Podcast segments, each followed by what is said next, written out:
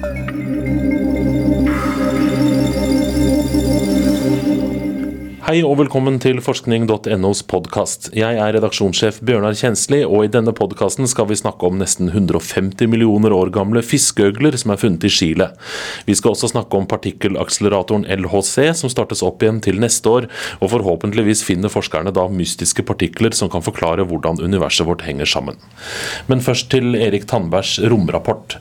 Romfartseksperten Erik Tandberg samler de viktigste romfartsnyhetene og legger de ut i bloggen sin her på forskning.no. Og I den siste rapporten så skriver han bl.a. om oppblåsbare varmeskjold på Mars-sonder. Og journalist Arnfinn Christensen, hva skal man egentlig med oppblåsbare varmeskjold? Da skal man lande romskip som er tyngre enn de du kan lande i dag. For noe av problemet med atmosfæren rundt Mars det er at den er så tynn. Sånn at uh, den klarer ikke å bremse opp romskipet hvis det er tungt nok. Da må du ha noe ekstra oppbremsingsmekanisme, og det er det de nå skal teste ut. Forhåpentligvis allerede førstkommende lørdag, altså i morgen, på Blue Hawaii, hadde jeg nær sagt. Og Hvordan skal man teste disse uten å reise til Mars? Ja, det, det høres jo romantisk ut. Man stiger til værs eh, på Hawaii i en ballong, men eh, det er litt av et eksperiment. De skal få denne ballongen veldig høyt opp, eh, og når den da er kommet høyt nok, så høyt som ballongen kan ta den, så eh, fyrer de av en rakett på undersiden av denne testkapselen da, og får den helt opp eh, i stratosfæren. Så øh, slipper de den, og så får den en voldsom fart, øh, altså 3,5 ganger lydens hastighet.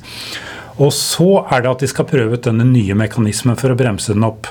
De folder ut en slags sånn smuldringformet ballong rundt selve kapselen med varmeskjoldet, som bremser den opp enda mer enn det ville vært mulig bare med varmeskjoldet. Og så når den har kommet ned i da rundt to ganger lydens hastighet, så er det en helt ny fallskjerm som også er utviklet for å utløses over lydens hastighet, mm. som foldes ut. Og med hjelp av både denne smultringformede ballongen og denne spesielle fallskjermen, så skal de kunne klare å lande store, tyngre romskip på Mars, f.eks. bemannede romskip. Mm. For i framtida så vil, vil, ikke de eh, vektbegrensningene som hittil har klart seg, være nok hvis du skal få mennesker til Mars. Nei, og mennesker skal jo helst ha med seg noen ting nå hvis vi skal reise så langt som til Mars. Ha med seg en liten nistepakke. det, ja. I romrapporten eh, den siste nå så skriver Tandberg også om eh, et eksperiment der man har testet om bakterier kan overleve i rommet. Eh, og da har man tatt med seg bakteriene og og satt de på utsiden av eh, den internasjonale romstasjonen. Og så hatt de der oppe en stund for å se åssen det gikk med de. Åssen gikk det med de? Det gikk eh, bra så lenge de ikke ble utsatt for ultrafiolett lys. Mm. Det tåler de ikke så veldig bra. Men så lenge de ikke eh, fikk det på seg, så kunne de klare seg ut, utenpå romstasjonen. Mm. Og rundt halvparten av dem overlevde. Ja, hva slags bakterier var dette? her? Det var noen bakterier som du finner bl.a. i jord, og du finner dem også i, eh, i, tarmfloraen på friske mennesker. De har vært brukt til modellorganismer, altså sånne organismer som du forsker på, og til og med til å lage kulderesistent korn, genmanipulert Oi. korn. Så mye rart de har vært brukt til de bakteriene. Mm. Så de her satt i, i en liten kasse eller boks på utsida av romstasjonen? Ja, det er en sånn spesiell boks som de bruker til eksperimenter på utsiden hvor det skal utsettes for de harde forholdene i rommet. Ja. Mm, og de var der lenge? Ja, de var der faktisk i, i over et år. I 18 måneder. Mm. Og dette her kan jo tyde på at er du en bakterie, så trives du overalt, for å si det sånn. Hvorfor forsker man egentlig på dette her? Om, om bakterier kan overleve i rommet? Høres jo, Det er jo et morsomt spørsmål, liksom, men, ja. men har det noe nytte? Ja, Den ene nytten er jo når mennesker skal til Mars, finne ut om i hvilken grad vi kan forurense Mars med bakterier som overlever på utsiden av romskip. For vi vil jo helst at de bakteriene vi finner på Mars, skal være innfødte marsboerbakterier, og ikke noen vi har tatt med oss. Mm, mm. Eh, det andre er at det kan ha en betydning for denne panspermia-teorien, som eh, går ut på at bakteriespor bakteriesporet har overlevd på meteorsteiner som kanskje har reist i hundre millioner av år, kanskje ikke så mye, da, men iallfall veldig lang tid gjennom mm. verdensrommet og mm. falt ned på jorda. Mm. Og det var den måten livet oppsto på jorda. Mm.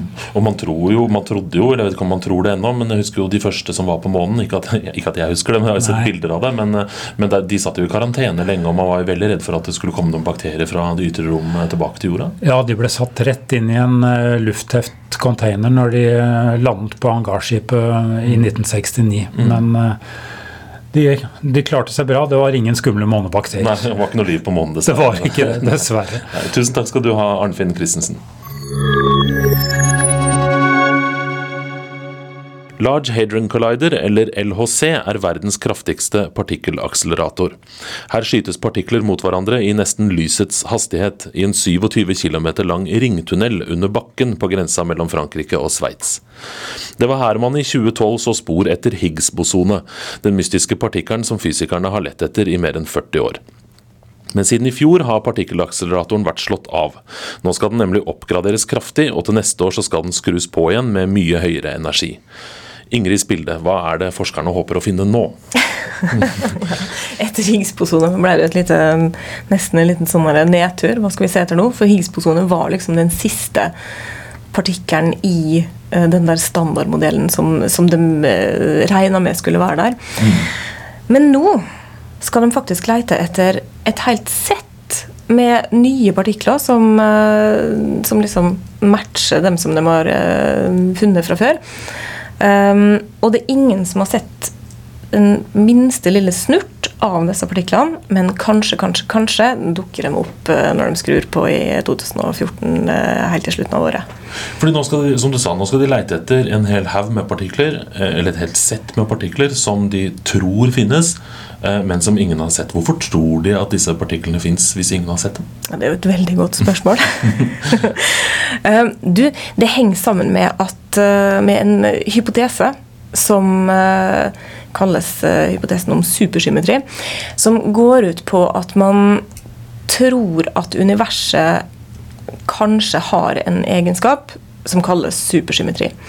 Og dersom universet er supersymmetrisk, da må det finnes et helt ekstra sett med partikler. Altså Hver av de partiklene som vi har funnet til nå, må ha en skyggepartikkel som er en sånn supersymmetripartikkel. Og de partiklene, eh, hvis de eksisterer, går kanskje an å finne på eh, LHC. Eh, på samme måte som de har leita etter de partiklene som vi har funnet. Så, så det er på en måte En teori er universet er supersymmetrisk. Det betyr at for hver partikkel som vi har oppdaga til nå, må det finnes en motsatt partikkel? Nei, ikke en, det, det ikke en motsatt partikkel, men, men eh, en Hva skal vi si en sånn et søskenbarn, da. Mm.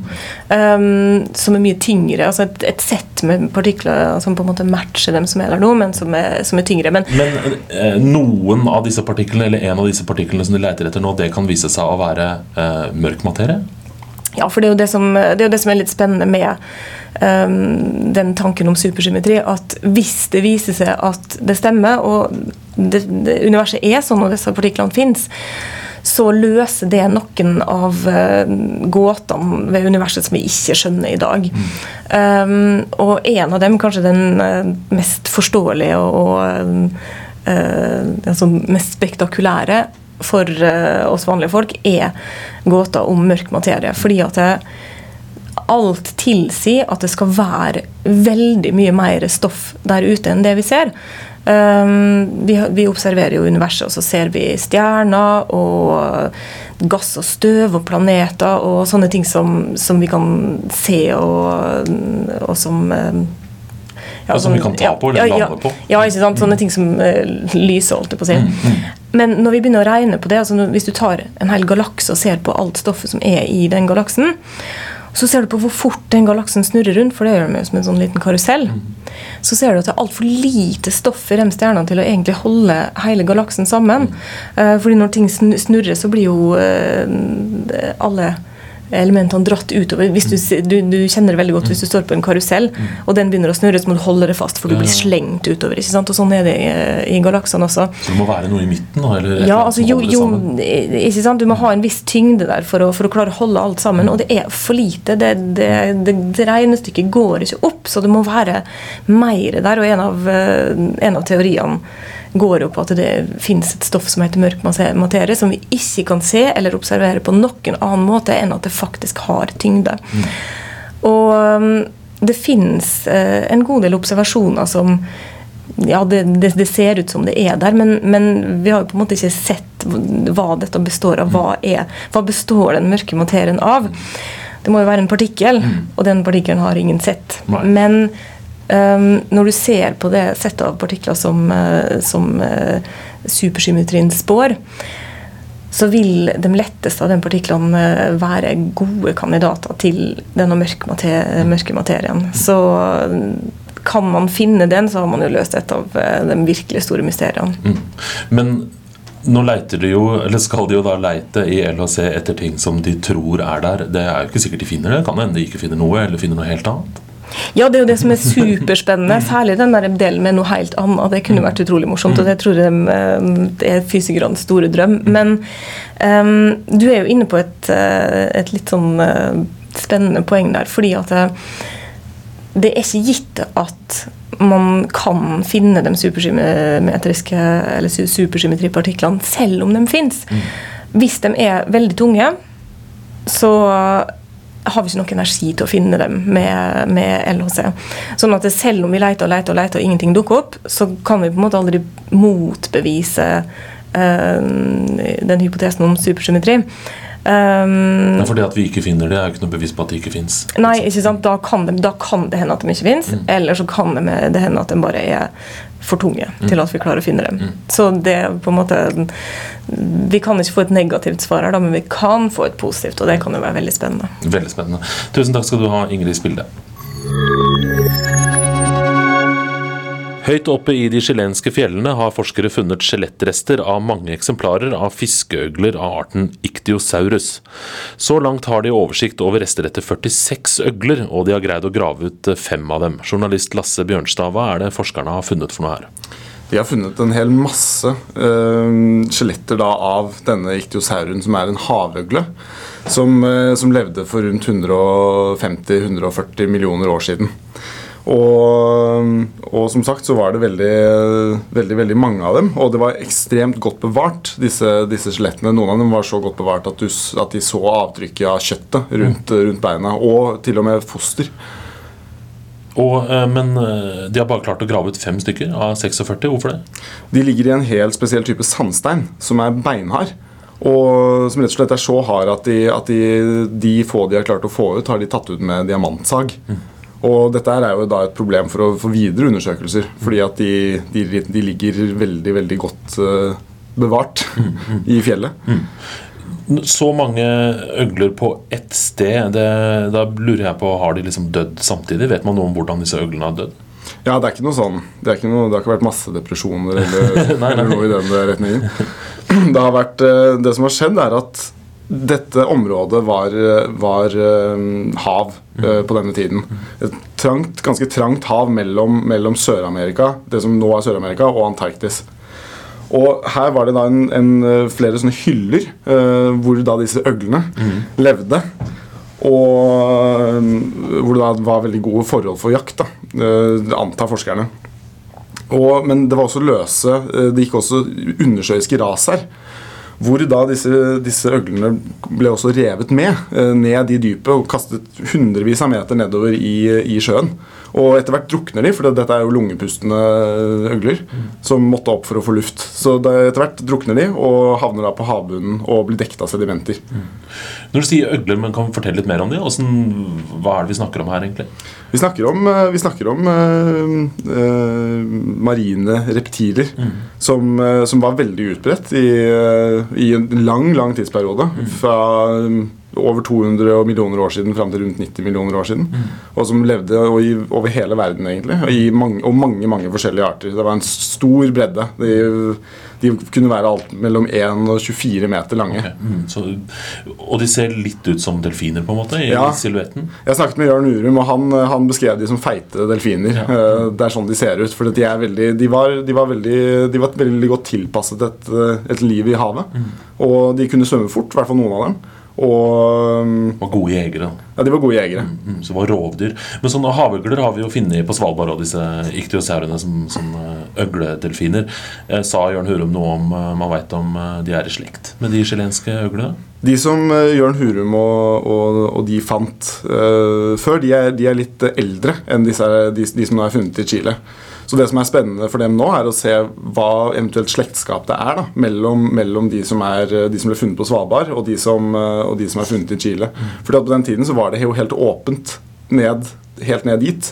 Stillehavet, Stillehavet hang sammen med Atlanterhavet på en helt annen måte enn det de, det, de gjør nå. Tusen takk skal du ha, journalist Lasse Bjørnstad. Saken om fysikernes jakt på mystiske partikler og bevis for teorien om supersymmetri, og saken om de chilenske havøglene kan du lese på nettsidene våre på forskning.no. Der finner du også Erik Tandbergs romrapport. Vi er tilbake med en ny podkast i neste uke.